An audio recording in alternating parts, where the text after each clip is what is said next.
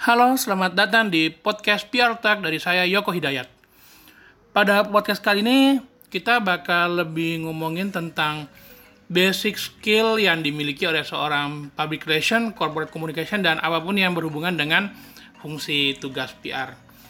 Nah, dari pembahasan ini sebenarnya tuh benar-benar mendasar bukan tentang kita nggak ngomong tentang seorang biara harus memiliki negosiasi, skill negosiasi, presentasi dan lain-lain karena itu udah memang wajib dimiliki. Dan hal ini kita bakal lebih mundur sih ke arah belakang lagi mengenai hal yang sangat bisa dikatakan sangat dibutuhkan dan pada podcast ini pun materinya yang saya dapatkan pun uh, banyak dari buku, workshop, training bahkan uh, learning by doing juga. Jadi kayak ngobrol sesama PR terus dapat oh iya benar seharusnya itu seperti ini. Dan ini pun masih pendapat pribadi jadi mungkin kayak nggak seperti ini mas. Kayaknya berbeda dan lain-lain. Itu silahkan komen uh, di uh, email atau melalui sosial media saya. Nah balik lagi tentang uh, basic skill untuk BR kita tuh masuk dulu ke ranah uh, ini satu. Sebenarnya tuh PR di Indonesia itu seperti apa? Nah menurut pandangan saya tuh saat ini tuh nama-nama PR tuh uh, yang menjalankan fungsi PR tuh sebenarnya banyak. Baik itu dari departemen PR sendiri mungkin teman-teman di perusahaan juga pun agak bingung atau mungkin ada adik maba atau ada adik-adik yang baru lulus tuh tiba-tiba dihadapkan sama berbagai macam nama uh, bagian PR di Indonesia. Ada yang namanya public relation ada yang namanya corporate affair corporate secretary, ada juga yang bahkan public affair, strategi communication, corporate relation, communication management, corporate communication, reputation management, government relation, media relation, community relation. Jadi benar-benar tuh kayak nama-nama departemen pun berbeda di setiap perusahaan. Jadi tuh nama-nama pun berdasarkan apa ya kayak kebutuhan perusahaan itu sendiri mungkin yang dia startup dalam bidang sosial engagement ya mungkin namanya dia masuknya di community relation jadi benar-benar fungsinya dia tuh ya benar-benar mendevelop community relation dan mungkin dia juga menjalankan tugas media. Jadi apa pun namanya itu yang jelas ketika dia menjalankan fungsi PR ya dia uh, menjalankan fungsi PR ya dia seorang public relation atau apa pun namanya itu. Jadi ketika kita mungkin kumpul-kumpul kamu bagian apa? Oh ya aku bagian ini. Soalnya pun di LinkedIn pun ada yang nanya mas saya bu saya tuh baru lulus tapi agak bingung kok namanya namanya kok beda. Sementara di kuliahan pun kita cuma dapatnya public relation doang. Nah itulah bagaimana uh, industri PR tuh di Indonesia. Namanya tuh benar-benar beragam tapi uh, fungsinya sama. Ada ada juga yang benar-benar fungsinya dikerucutkan. Kayak misal media relation. Ya udah dia benar-benar fokus di uh, ranah media relation itu seperti itu. Itu untuk pembukaan bagaimana uh, bagian PR di Indonesia. Kayak bagaimana departemen-departemen nama-nama departemen tuh di Indonesia tuh yang menjalankan fungsi BR. Untuk ruang lingkup sendiri ini mungkin terdengar klise ya. Jadi kayak kita udah sering dengar sih kayak misalnya kalau internal communication itu menjalankan fungsi employee engagement, bagaimana kita membuat program-program yang menguatkan satu sama lain di internal. Ini mungkin nanti bisa kolaborasi dengan departemen lain kayak HR atau SDM dan lain-lain. Terus ada shareholder relation, ada owners, ada manager relation sementara untuk external communication itu kita uh, memandangnya seperti media relation, government relation, stakeholder relation, customer relation. Jadi ya benar-benar ya yang keluar. Jadi kita memandang bahwa fungsi PR di sini bagaimana kita menjadi relasi dengan external communicationnya. Nah, yang fungsi ketiga ini ada community development. Ini saya masukkan, tapi saya ngasih pengecualian soalnya ada juga uh, fungsi fungsi PR atau departemen PR di perusahaan tuh yang menjadikan community development atau atau CSR ini tuh menjadi hal yang berbeda. Bisa beda departemen bahkan bisa beda uh, anak perusahaan dalam bentuk yayasan seperti itu. Soalnya di mana community development ini tuh dia tuh membangun uh, apa sih uh, dia toolsnya lebih ke kayak corporate social responsibility, society relation sama community relation. Maksudnya ruang lingkupnya lebih ke arah sana. Jadi benar-benar ada juga perusahaan yang benar-benar membedakan ini sebagai departemen. Tapi nggak nggak dikit juga perusahaan yang menggabungkan fungsi community development ini masuk ke ranah uh, eh, PR atau korkom seperti itu. Biar bisa dibahas bersama. Nah, masuk ke basic skill untuk seorang PR ini pun ada sebenarnya ada tiga hal sih ada tiga hal yang mendasar bagaimana seorang PR itu terbentuk secara matang agar dia bisa menjadi PR yang uh, uh, lebih ke problem solving. Jadi ini kita tuh mengarah kepada uh, seseorang yang seorang PR yang bisa menjadi problem solving di tempatnya. Sebenarnya itu tuh penting banget sih problem solving. Jadi ketika ada something ya kita bisa menyelesaikan tugas itu dengan tiga skill dasar ini seperti itu. Pandangan yang saya bentuk dari uh, podcast ini. Oke, yang pertama untuk skill tuh ada listening. nah, pada listening ini menarik. Jadi mendengarkan ini menjadi skill yang pertama yang harus yang harus dan yang paling penting dimiliki. Kenapa? Karena dengan mendengar tuh kita tuh bisa mengerti tentang kondisi. Jadi misalnya baik uh, eh, PR yang udah senior, baik PR yang masih junior, mungkin kayak aku pun yang baru masuk di perusahaan, ya uh, sebisa mungkin aku bisa menggunakan skill ini dulu untuk pertama kali. Karena apa? Dengan skill ini kita tuh bisa mengerti uh, apa yang dibutuhkan. Jadi ketika kita masuk uh, program yang udah berjalan apa, terus kira-kira dengan kita masuk tuh apa yang diharapkan oleh orang-orang sekitar. Jadi bukan cuma perusahaan tapi internal perusahaan juga. Nah, listening dalam hal ini bukan bukan ada juga secara harfiah bahwa ya udah kita mendengar benar-benar mendengar melakukan jajak pendapat ngobrol pas uh, lagi waktu luang mungkin atau misalnya nih pas makan siang kita nanya-nanya nanya-nanya santai kayak uh, atau misalnya teman atau departemen berbeda, berbeda. Mas uh, uh, sebenarnya tuh yang kamu butuhkan dari PR tuh apa sih di sini? Yang kamu harapkan apa sih? Oh, aku pengen ini sih, Yok. Pengennya sih PR tuh ngebentuk citra perusahaan seperti ini, terus lebih aktif lah misal sosial media dan lain-lain. Itu kita bisa mendengarkan berbagai macam hal di situ melalui jajak pendapat secara langsung. Kalau untuk uh, listening secara berbeda, kita bisa mencari melalui survei. Jadi kita bisa memperoleh itu informasi secara jelas mengenai kegiatan yang direncanakan atau yang sudah berlangsung. Misal kita udah ngadain uh, program PR atau misalnya internal magazine, tapi kita tuh pengen tahu sejauh mana sih internal magazine itu berfungsi soalnya kan uh, misalnya perusahaan yang dia udah stable yang dia udah punya karyawan banyak banget dari hulu ke hilir tuh dari anak-anak jadi anak-anak karyawan tuh yang bekerja di luar lapangan tuh nyampe nggak sih informasi perusahaan ini? Kita bisa tahu dari survei. Dengan survei ini kita tuh bisa dapet informasi lebih jelas dengan data. Jadi tuh kayak kita tuh mendapatkan poin penting dari uh, proyek program kita yang udah kita jalankan. Yang ketiga ada resource, di mana resource ini tuh uh, menjadi hal yang penting juga dari manajemen public relation agar apa? Agar proses atau program komunikasi kita tuh lebih tersistematis. Jadi setelah kita melakukan survei, yaudah kita melakukan uh, melakukan evaluasi. Berarti yang udah jalan atau yang baru direncanakan itu bakal bakal diterima nggak sih di, di karyawan kita atau bakal diterima nggak sih di uh, halayak. Nah, melalui research survei ini tuh kita tuh bakal lebih apa ya? Bakal memiliki dasar gitu loh. Jadi seorang PR yang memiliki, memiliki dasar atau memiliki data tuh lebih enak ketika kita menjalankan diskusi atau memberikan uh, ide kepada atasan. Jadi uh, level-level kayak mungkin level baru atau apa tuh kita tuh level staff atau level officer tuh jadi kita tuh lebih nyaman ketika memberikan ke atasan atau memberikan ide dalam meeting kalau kita mempunyai data itu yang terpenting. Nah, yang keempat dari listening ini ada social mapping. Ini mungkin masuk dalam ranahnya community development, makanya ini uh, agak berbeda dikit. Kalau social mapping ini uh, dia tuh fungsinya lebih ke listening tapi eksternal. Jadi benar-benar kita menggambarkan tuh sosial di masyarakat. Ini bakal mendukung sih untuk uh, program entah itu CSR, entah itu community relations, entah, itu social society relation. Jadi social mapping itu benar-benar kita tuh ke masyarakat nanya selama itu selama itu perusahaan di situ ngapain aja sih dan udah sesuai harapan anda nggak sih? Soalnya ada juga pernah kan misalnya kejadian nih sebuah perusahaan yang dia tuh mencoba dari lingkungan tapi karena mungkin kurangnya social mapping atau kurangnya apa akhirnya dia mengatakan bahwa yaudah kita membuat acara aja jalan bersama misal Padahal bukan itu yang dibutuhkan oleh masyarakat. Nah, akhirnya cuma jalan jalan jalan jalan jalan pagi gitu jalan santai dengan turun direktur ngangkat bendera dan lain-lain akhirnya masyarakat menerima itu sebagai Ih, ini ngapain sih? Sebenarnya bukan ini yang kami butuhkan.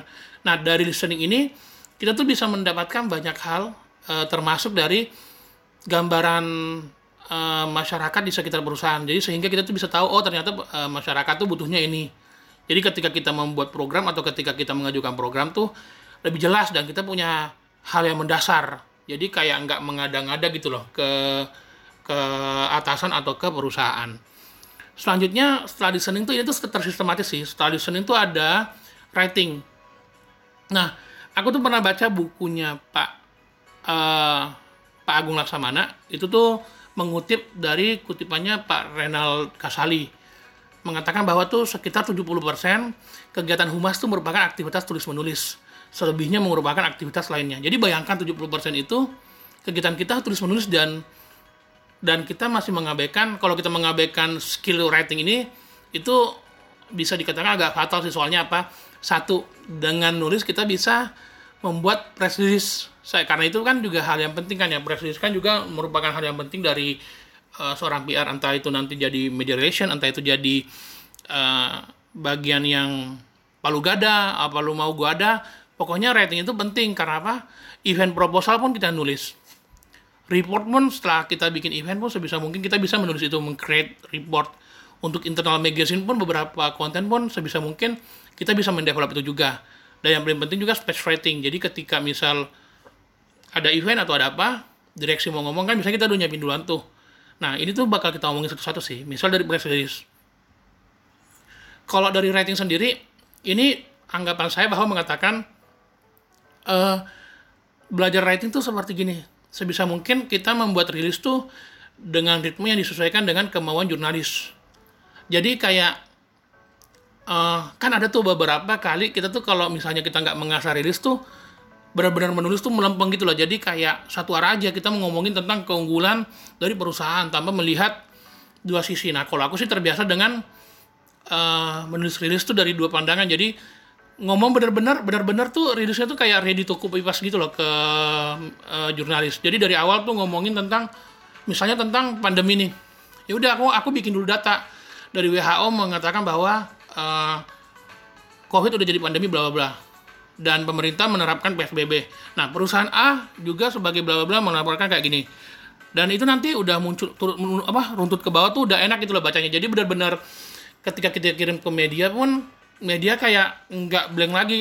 Dan bayangkan aja misal ketika media harus dikejar target menulis artikel banyak dan dia menerima uh, rilis yang bisa dikatakan itu ready to kupas meskipun dia bakal ngubah lagi beberapa diksi dan lain-lain atau mungkin uh, statement-statement yang ditanyakan lagi uh, it's okay. Tapi setidak sebisa mungkin kita udah mengikuti ritmenya. Jadi kayak membaca beberapa media yang kita harapkan itu menjadi tolak ukur kita kita ikuti bahasanya ikuti ritmenya asal rilisnya sehingga bisa dikatakan rilis kita tuh ready to kupas. Jadi media sebisa mungkin tinggal copy paste. Jadi enak banget mereka. Uh, mereka kita bisa membantu pekerjaan mereka. Jadi benar-benar dia nggak perlu lagi mencari banyak hal sehingga harus bongkar pasang bongkar pasang tulisan-tulisan kita sehingga ketika mereka minta something kita langsung ada gitu loh. Kayak gitu untuk press release. Kalau untuk event proposal ya dengan rating kita bisa membuat proposal yang sistematis dengan bahasa dan tujuan yang mudah dimengerti soalnya kadang tuh orang tuh uh, antara pengen kelihatan lebih pintar akhirnya dia tuh menulis arti menulis event atau report misal. Itu bahasanya tuh uh bahasanya keren banget. Padahal yang dibutuhkan orang tuh bukan bahasa yang seperti itu. Bahasa yang dibutuh ya bahasa yang dibutuhkan tuh yang mudah dimengerti. Yang ya seperti bahwa bahasa sehari-hari kayak bahasa yang mengalir sehingga orang-orang ketika baca report atau baca event proposal tuh ngena oh yang dimaksud oleh si A ini sehingga tujuannya ini. Dan itu lebih memudahkan untuk komunikasi soalnya tujuan dari report atau event bersama ini kan untuk menyampaikan informasi.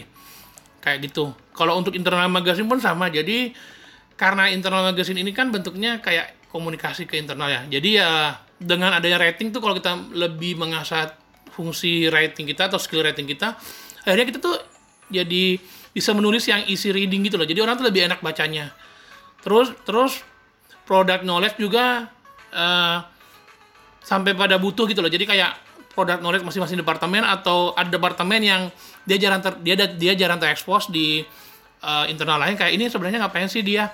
Akhirnya bisa tahu dengan adanya internal magazine dengan adanya internal magazine yang kita develop dengan tulisan-tulisan yang mudah dimengerti seperti itu. Itu sebenarnya fungsi writing tuh benar-benar luas. Apalagi yang special writing tadi. Jadi hal-hal dadakan kayak kita ngikutin eh, BOD sebagai seorang korko mungkin yang ada fungsi protokolnya dikit. Ya ketika kita muncul uh, apa ketika kita mengikuti seorang BOD atau atasan kita ya kita udah siap sedia gitu loh. Kayak walaupun itu last minutes kita udah bisa membuat apa yang harus dia sampaikan apa yang harus beliau sampaikan yang mudah dilontarkan namun dengan memenuhi kaidah bahasa komunikasi. Jadi benar-benar udah enak banget. Nah kalau hal itu yang kita asah itu benar-benar bisa uh, dikuasain. Uh enak banget sih kayak kita bisa nulis di mana aja meskipun pepet pun juga bisa bisa dari HP dan benar-benar nyaman gitu loh. Jadi teman-teman tuh kalau udah udah paham dari skill ini bakal lebih enak. Aku masih belajar untuk memenuhi bagaimana cara biar hal-hal ini tuh bisa lebih enak gitu, lebih enak masuknya ke ranah uh, eh, PR seperti kita-kita yang masih muda atau mungkin mahasiswa-mahasiswa yang baru lulus yang akan terjun ke dunia PR seperti itu. Nah, terus dari uh, listening, writing, kita masuk ke ranah yang ketiga. Ini skill yang benar-benar agak baru soalnya di digital savvy itu merupakan istilah yang benar-benar udah mulai digunakan di akhir-akhir ini di 4.0 ini pun aku gunakan kata-kata ini di skripsi di penelitian bagaimana digital savvy itu harus benar-benar dimiliki oleh seorang public relation. Karena apa? Dari seorang PR pun sekarang tuh gini loh sistematisnya tuh kita sistem kerjanya sekarang benar-benar beda dari sebelumnya.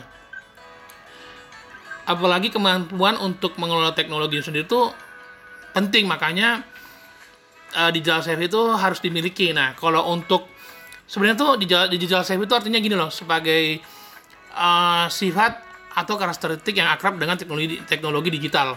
Nah itu pun ini pun aku dapatkan dari majalah PR Indonesia. Jadi kayak oh ternyata digital savvy itu seperti itu. Dan kemampuan dalam mengelola menggunakan teknologi itu ya udah harus penting banget. Jadi bukan hanya kayak gini loh bukan bukan teknologi yang Microsoft Word Excel dan itu itu udah uh, beda. Jadi mungkin dalam artian seperti ini satu kayak bagaimana kita bisa menggunakan teknologi untuk memudahkan kerjaan atau uh, mensupport kerjaan misalnya satu dari big data ini dibahas juga sih di bukunya Bu Bulala tentang uh, bagaimana biar di di era artificial artificial intelligence. Nah, di Java ini lumayan luas pembicaraannya soalnya ini merunut dari uh, skill writing sama skill uh, listening tadi. Dari digital savvy itu kita tuh nggak perlu satu contohnya misal dengan adanya digital savvy kita nggak perlu lagi ribet untuk membuat survei-survei yang harus keliling-keliling. Kita lontarkan aja uh, misal uh, Google Form atau isiannya Monkey itu dengan kita membuat bahwa nanti yang 10 pengisi pertama survei akan mendapatkan merchandise gratis, merchandise menarik dari uh, perusahaan ini. Itu bisa menarik menarik atensi dengan menggunakan teknologi juga. Jadi ada teknologi, ada gimmick, akhirnya kita bisa akhirnya kita lebih mudah mendapatkan data. Iya nggak sih? Jadi kayak nggak perlu lagi keliling-keliling dan lain-lain. Nah, itu tuh untuk uh, salah sedikit contoh digital penggunaan penggunaan digital savvy untuk membantu kerjaan yang lain. Nah, ber, beberapa hal juga uh, yang membuat saya mengapa mengangkat digital savvy sebagai part ketiga sebagai skill yang benar-benar harus dikuasai. Satu, dengan adanya digital savvy, kita tuh memahami apa aja sih yang dibutuhkan oleh masyarakat. Misal satu nih, kok masyarakat misalnya media nih, ketika kita membuat rilis, saya termasuk orang yang harus mengecek Google Trend. Karena apa? Satu, media sekarang kan kita nggak bisa memungkiri bahwa media sekarang banyak yang mengambil eh, informasi-informasi uh, dari sosial media. Contohnya gini deh, uh, salah satu contoh kita ngambil istilah new normal. Itu tuh new normal sekarang. Ini uh, aku ngerekam podcast ini tanggal tanggal 2 bulan Juni. Di mana itu istilah new normal tuh benar-benar full banget sampai Google Trend tuh di tujuh hari terakhir ini tuh benar-benar dia tuh angkanya lumayan tinggi maksudnya pemberitaan lumayan banyak nah uh, selain selain apa selain pemberitaan kan berarti media kan bakal banyak mengam, media kan media kan banyak memberitakan kan tentang hal itu. Nah biar rilis kita masuk itu gimana sih? Ya dengan adanya uh, Google Trend yang membantu ini akhirnya aku bisa membuat rilis yang uh, lebih mengarah ke yang apa yang apa apa yang ada di Google Trend. Contohnya gini bahasa simpelnya gini. Media banyak membahas tentang Google Trend eh, eh media bahas banyak membahas tentang uh, new normal. Karena itu tinggi di Google Trend. Atau misalnya di trending topik Twitter. Ya udah. Berarti aku bikin rilis yang judulnya ada yang ada yang membahas tentang new normal. Isi artikelnya ada yang membahas tentang new normal. Keyword keywordnya yang misalnya top 10 Google Trend itu apa. Sebisa mungkin kita masukkan ke rilis. Biar apa? Ketika masuk ke media media tuh merasa bahwa oh ya ini kan yang kemarin aku uh, cari. Mungkin ini terusannya dari uh, informasi kemarin. Akhirnya dia mer dia merasakan bahwa oke okay, benar ini artikel masuk nih uh, masuk nih di uh, redaksi. Ya udah dia masukin. Akhirnya ketika terbit di Google ketika ketika dia udah terbit di websitenya itu lebih gampang juga nih ter ter apa ngetrack ngetracknya melalui Google Google Note apa Google Alert pun gampang. Oh langsung muncul new normal. Misalnya perusahaan apa gitu loh lebih gampang. Jadi dengan adanya Google Trend ini membantu. Bahkan untuk memonitoring data pun memonitoring berita pun kita udah ada Google Alert. Kita bisa gunakan mungkin salah satu contohnya Hotsuite kali ya. Ya misalnya ini gratisan. Kalau misalnya kita pakai pihak ketiga banyak. Dan mengeluarkan dana lagi banyak. Tapi kalau misalnya kita mau mencoba sebagai seorang PR yang cukup mengetrack semua hal-hal yang yang lebih yang lebih gampang dari adanya digital savvy ini. Hmm. Yang kedua dari dari digital savvy ini kita tuh bisa membentuk satu hal seperti ini. Misal uh, kita ingin uh, dari media monitoring yang mungkin udah mulai udah mulai keganti ya sama media monitoring yang dulunya uh, manual akhirnya mulai terganti sama digital savvy yang lebih gampang. Dan kalau kita nggak memiliki hal ini ya agak agak benar-benar keganggu sih sebagai seorang PR jadi benar-benar kita udah udah harus ada ada uh, harus ada kemampuan untuk bisa mengerti tentang Google Trend, Google Analytics, Google ya mungkin yang yang gratis gratis. Bahkan pun sampai saat ini pun aku aku berusaha untuk belajar mengenai data data visualization dari R. R salah satu program yang bisa dikatakan gratis. Karena apa? Ketika kita mem memiliki data tuh lebih enak itu seorang PR yang bisa menampilkan data lebih baik. Jadi kalau kita ngomong balik lagi kan yang tadi yang saya sampaikan pertama yang pas di writing seseorang seorang PR itu ketika kita memberikan argumen atau ketika kita mengajukan sebuah pendapat, tolong miliki data karena apa data itu penting. Kalau kamu nggak punya data, bisa dikatakan itu itu hanya sebuah asumsi, bukan sebuah hal yang benar-benar apa kayak nggak nggak bertanggung jawab gitu loh. Kalau kamu punya data yang bagus tuh, itu bakal bisa membantu banget sebagai seorang PR. Jadi bisa juga misalnya gini loh, kayak beberapa perusahaan juga kayak kemarin hampers gitu loh. Mungkin perusahaan FMCG mungkin bisa bikin program yang kayak uh, dapatkan hampers gratis dengan memasukkan data. Jadi sehingga kita bisa punya kita bisa dapatkan nge-track oh yang kemarin pengen senang sama hampers kita tuh ini ya udah kita masukin semua. Jadi yang masukin data itu kita bisa tahu banyakkan cowok tinggalnya dari sini. Berarti itu pun bisa jadi sosial media dan yang lain kayak gitu loh. Ini benar-benar berbeda sekarang. Jadi kalau sebisa mungkin kan kita bisa memanfaatkan apa yang udah ada dari teknologi apalagi kan ada juga yang gratis gitu loh. Terus uh, ini juga sih yang dibahas juga dari bukunya dari bukunya Bu apa Bu Bulala bahwa uh, sebagai seorang PR itu uh, beberapa beberapa beberapa uh, beberapa pekerjaan PR tuh udah mulai tergantikan seiring dengan uh, adanya adanya udah masuk zamannya artificial intelligence misalnya di clipping berita, social listening, media relationship, stakeholder relationships, terus otomatisasi konten, penyebaran melalui media sosial. Bahkan kita tuh nggak nggak tahu loh. Mungkin ada juga perusahaan yang dia konten sosial medianya menggunakan Canva. Ada juga yang kayak gitu. Soalnya sekarang kan kita bisa memikirkan hal simpel dengan Canva yang mungkin setahun 500 ribu dengan banyak uh, banyak tools yang dalam Canva itu kita bisa menggunakan membuat sosial media lebih gampang. Ada juga yang seperti itu dan itu bisa dikatakan yang nggak dibungkiri bahwa bakal ada juga di ke depannya. Jadi beberapa pekerjaan tuh bisa lebih dimudahkan dengan kita pahamnya uh, artificial artificial intelligence ini. Makanya dari big data, bisnis apa, business intelligence, real time streaming analytic, enterprise data warehouse dan big data analytics itu kita bisa memprediksikan bahwa sebisa mungkin rilis kita mungkin bakal masuk dari media kalau kita mengerti tentang apa sih yang lagi tren. Terus yang akan kita combine dengan um, manual. Misalnya kita belajar juga akhirnya mengawinkan antara teknologi listening writing itu bisa menjadi hal yang mantep gitu loh. Yang akhirnya kita bisa menjadi seorang PR yang mumpuni. Nah dari tiga skill ini akhirnya bisa dikatakan kita tuh menjadi seorang PR yang problem solving gitu loh. Jadi kita bisa menyelesaikan masalah ketika dibutuhkan. Karena dengan tiga skill ini, aku menganggapnya bahwa seseorang tuh bisa bisa memiliki analisa yang tajam.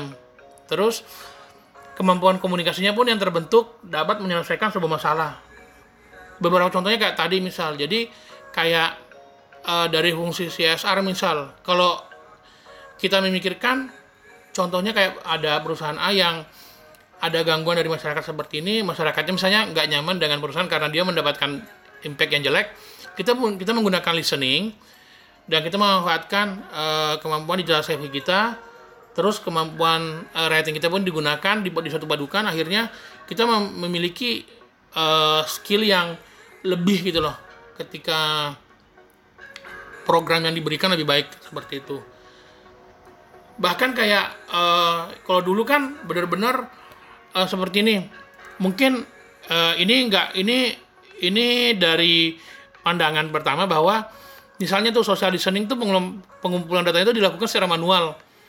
Benar-benar manual kayak contohnya yang kayak tadi misal uh, clipping misal atau berita-berita uh, yang harus dicari satu-satu. Nah kalau kita udah punya basic skill yang tadi itu bisa aja kita menggunakan semua itu tuh dengan alert system terus di, diintegrasikan dengan tools-tools lain. Akhirnya tanpa mungkin kita menggunakan pihak ketiga ya kita bisa membuat create sendiri gitu loh. Ya walaupun emang penting sih untuk menggunakan media monitoring pihak ketiga mungkin biar lebih tajam. Tapi setidak mungkin tuh di lapisan pertama kita punya sendiri gitu loh. Jadi kita punya dasarnya sehingga teman-teman tuh uh, bakal terbantu ketika misal batasnya. Misalnya nih uh, langganannya udah habis dengan pihak ketiga ya udah kita bisa mengcreate lebih gampang atau misalnya pas kapan diminta kita langsung ada gitu loh. Terus yang tadi dua itu penulisan rilis mungkin. Kalau kalau tanpa skill ini mungkin kita benar-benar membuat rilis ya hanya sudut pandang dan peneliti dari perusahaan. Nah kalau dengan adanya skill yang kita miliki itu kita memiliki rilis itu yang lebih beragam dengan mengikuti peneliti dari perusahaan. Eh mengikuti peneliti dari media sehingga ketika kita membuat rilis itu ya benar-benar rilisnya tuh yang benar-benar mateng gitu loh ke bentuk dan mudah dimasukkan ke uh, media. Bahkan pun juga bahkan pun untuk membu untuk mengirim rilis pun uh, kita bisa tahu kan misalnya media A ini apa misalnya si jurnalis ini dia lebih cenderung ke uh, eh, FMCG udah benar-benar kita kirimnya kita ngirimnya tentang itu dengan tun dengan tonality pemberitanya seperti itu kayak gitu loh Terus kalau dulu kan atau atau mungkin biar yang uh, tanpa basic skill itu pengemasan informasinya ya penyebarannya benar-benar manual, rilis manual dan lain-lain. Nah, kalau sekarang kan dengan basic skill itu tuh dari bukunya Bu, Bu Lala kan ngomong dari ini kutipannya Tom Horeski bahwa every company is media company. Jadi tuh kita tuh bisa membuat uh, apa sebagai perusahaan tuh sebagai seorang PR ya kita bisa menjadikan perusahaan kita sebagai media company. Contohnya satu, kita bisa memaksimalkan uh, yang kita miliki tools misalnya sosial media kita. Jadi bukan cuma rilis aja keluar, kita bisa memaksimalkan yang lain.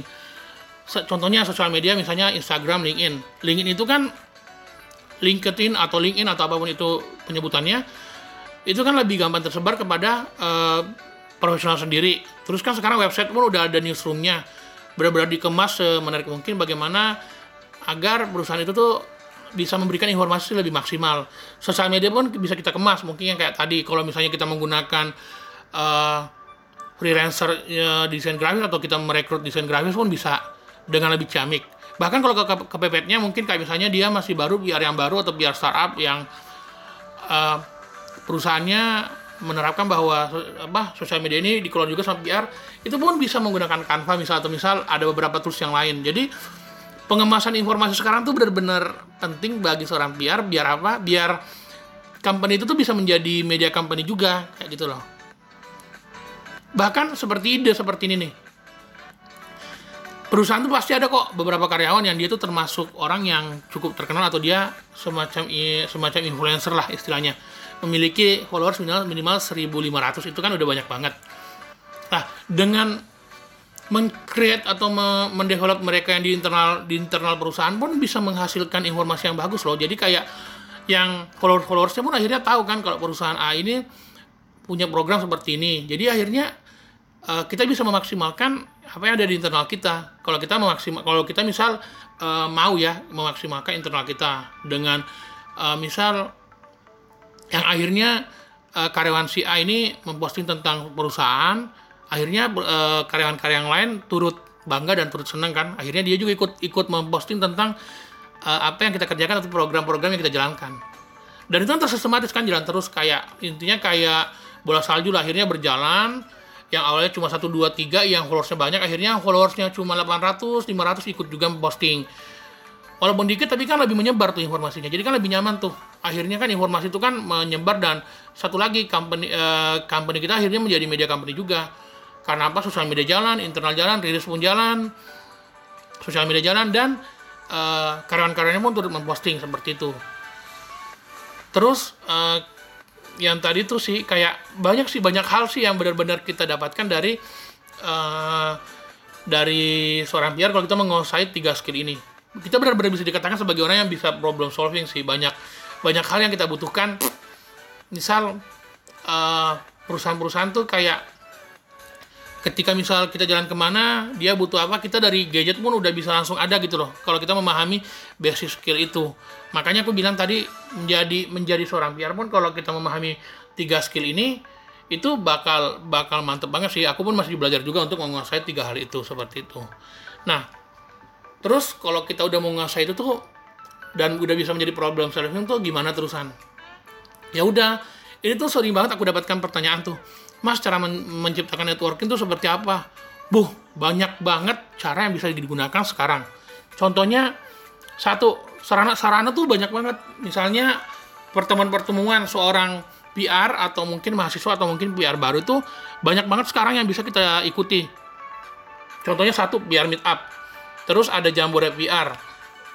Ada konvensi Humas Nasional, Perhumas Coffee Morning, Kopdar PR Rembuk. Banyak banget kayak organisasi atau uh, pertemuan-pertemuan yang diciptakan untuk mengumpulkan sesama kita PR. Benar-benar mantap sih. Jadi yang pertama dari pertemuan dulu. Dengan adanya pertemuan kita bisa tahu nih, oh ternyata PRA ini PRA uh, eh, manusia ini dari PRA. Oh, Mas ini dari PRB. Oh, Mbak ini dari PRC.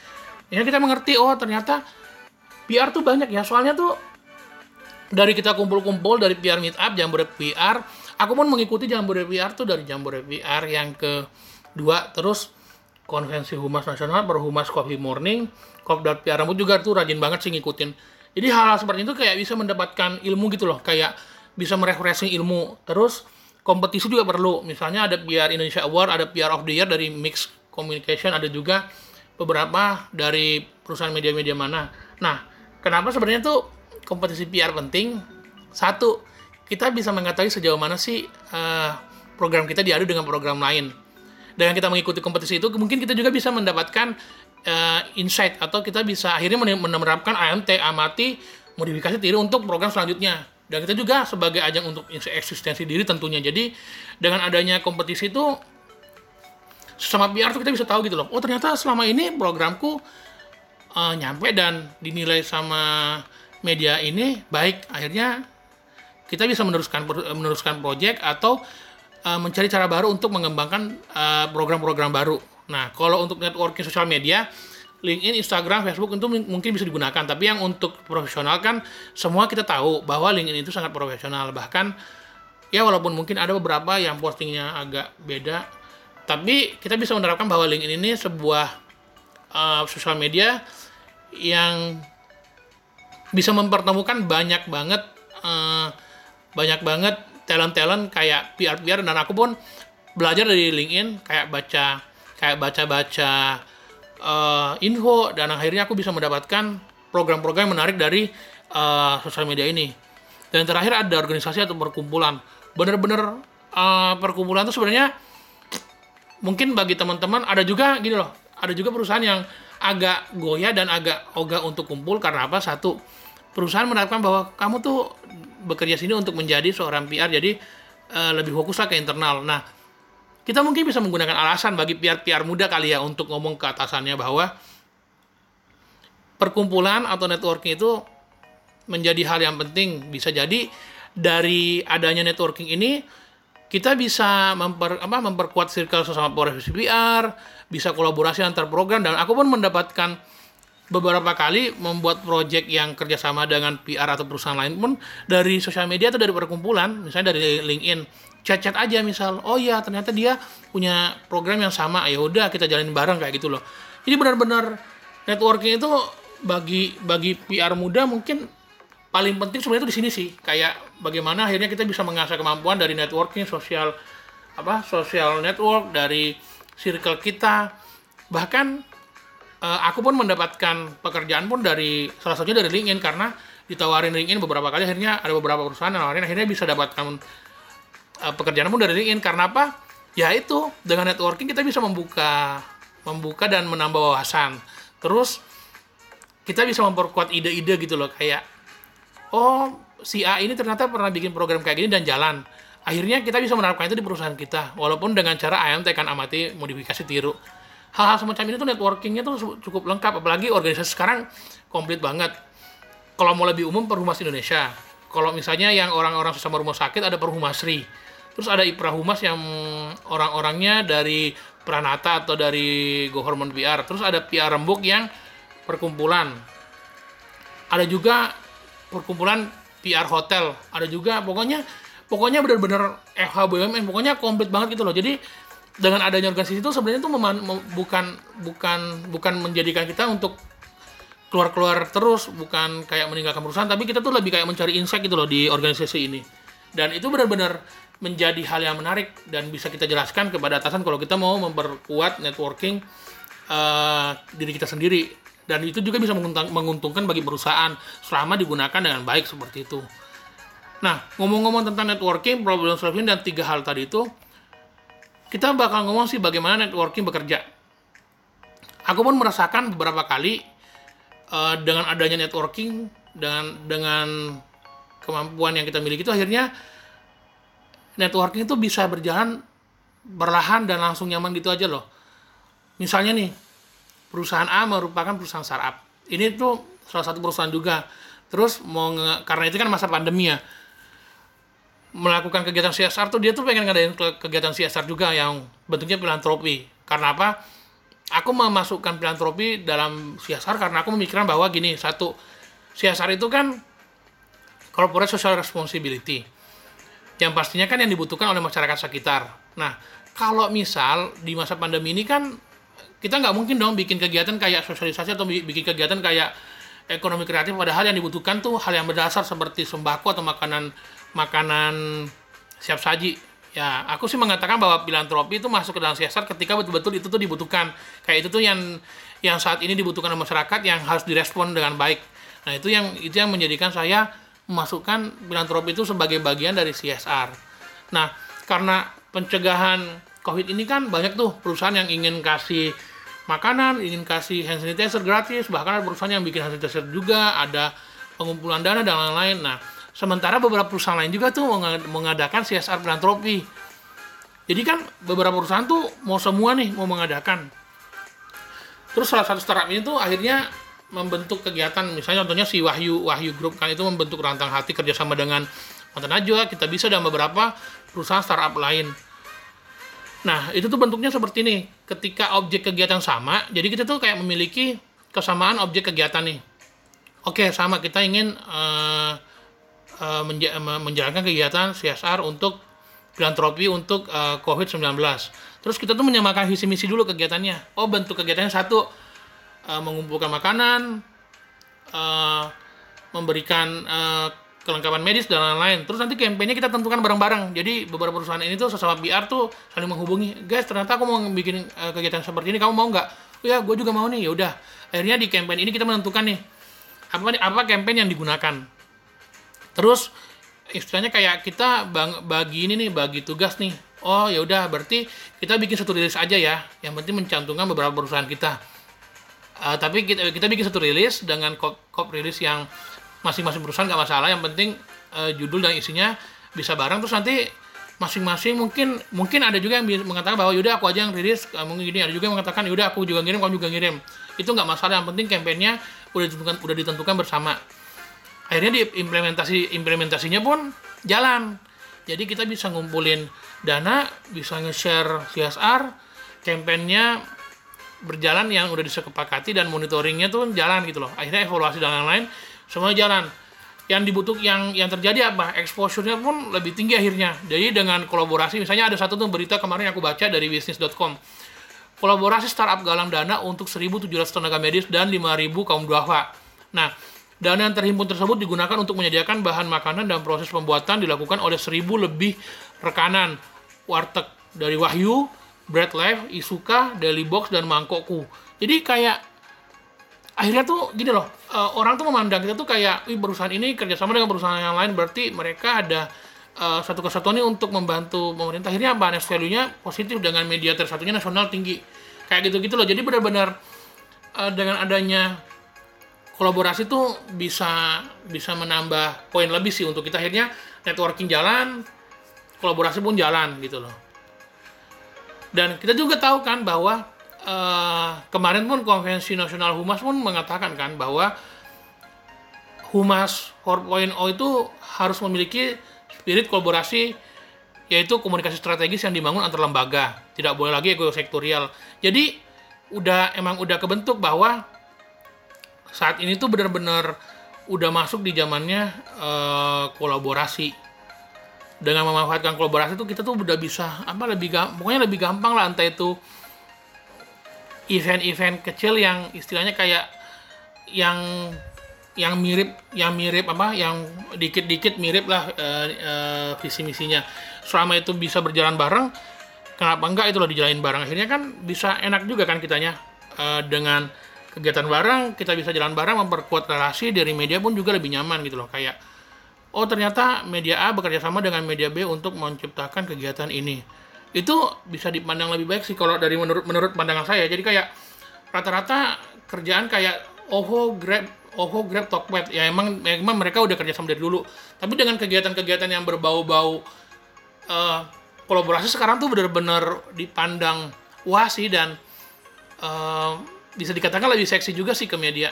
Dan akhirnya informasi-informasi semacam kolaborasi itu bisa lebih bisa lebih nyampe kayak gitu loh paling beberapa hal sih kan ya kita pun juga udah sering menyaksikan sih di uh, di LinkedIn di informasi bahwa si A kerjasama dengan si B menghasilkan kegiatan yang lebih wah. Jadi bukan hanya remeh-temeh lagi. Jadi yang kita kumpulkan misalnya dana uh lebih gede lagi karena kita kerjasama. Akhirnya uh, tercapai juga kampanyenya implementasinya juga berjalan monitoringnya juga bagus.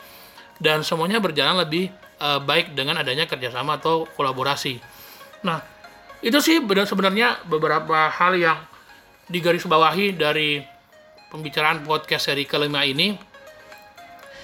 Dari bagaimana uh, seorang PR tuh yang yang paling yang yang pentingnya tuh dari awal seperti mendengarkan uh, rating digital savvy itu dimiliki orang setiap PR biar apa biar kita tuh menjadi PR yang lebih baik lagi dan ini pun masih terus dicoba. Aku pun masih aku pun masih mencoba untuk melatih semuanya. Soalnya uh, ketika mendengar pun aku masih sering misalnya ini lagi lagi lagi diskusi. Aku pun masih beberapa kali masih sering memotong walaupun ngomong kan maaf maaf potong pembicaraannya itu aku masih sering masih sering melakukan. Dan aku paham itu nggak baik. Nah itu mungkin sampai saat ini masih aku latih bagaimana bisa lebih kuat untuk listeningnya jadi lebih memahami lagi apa yang harus apa yang harus didengarkan. Ketika bertemu orang ketika masuk di sebuah perkumpulan berusaha menjadi uh, menjadi gelas yang kosong sehingga apa yang kamu dapatkan tuh lebih maksimal lagi. Dan pesan buat teman-teman PR ayolah untuk saat ini uh, kolaborasi itu tuh sangat penting. Entah kegiatan apa saja tuh bisa bisa banget. Jadi selama visi misi kita sama dan kita bisa menjalankan campaign bersama itu tuh bakal bisa dijalankan kok. Apalagi aku yakin setiap pihak tuh memiliki kemampuan masing-masing entah itu di perusahaan mana entah itu di FNCG Oil and Gas dan perusahaan-perusahaan lain. Kita tuh memiliki satu kesatuan yang sama. Kita tuh memiliki DNA PR yang sama. Dan aku yakin kok pasti setiap kegiatan-kegiatan yang kita yang kita bikin tuh bakal bisa memberikan impact yang bagus dari internal perusahaan dari eksternal perusahaan.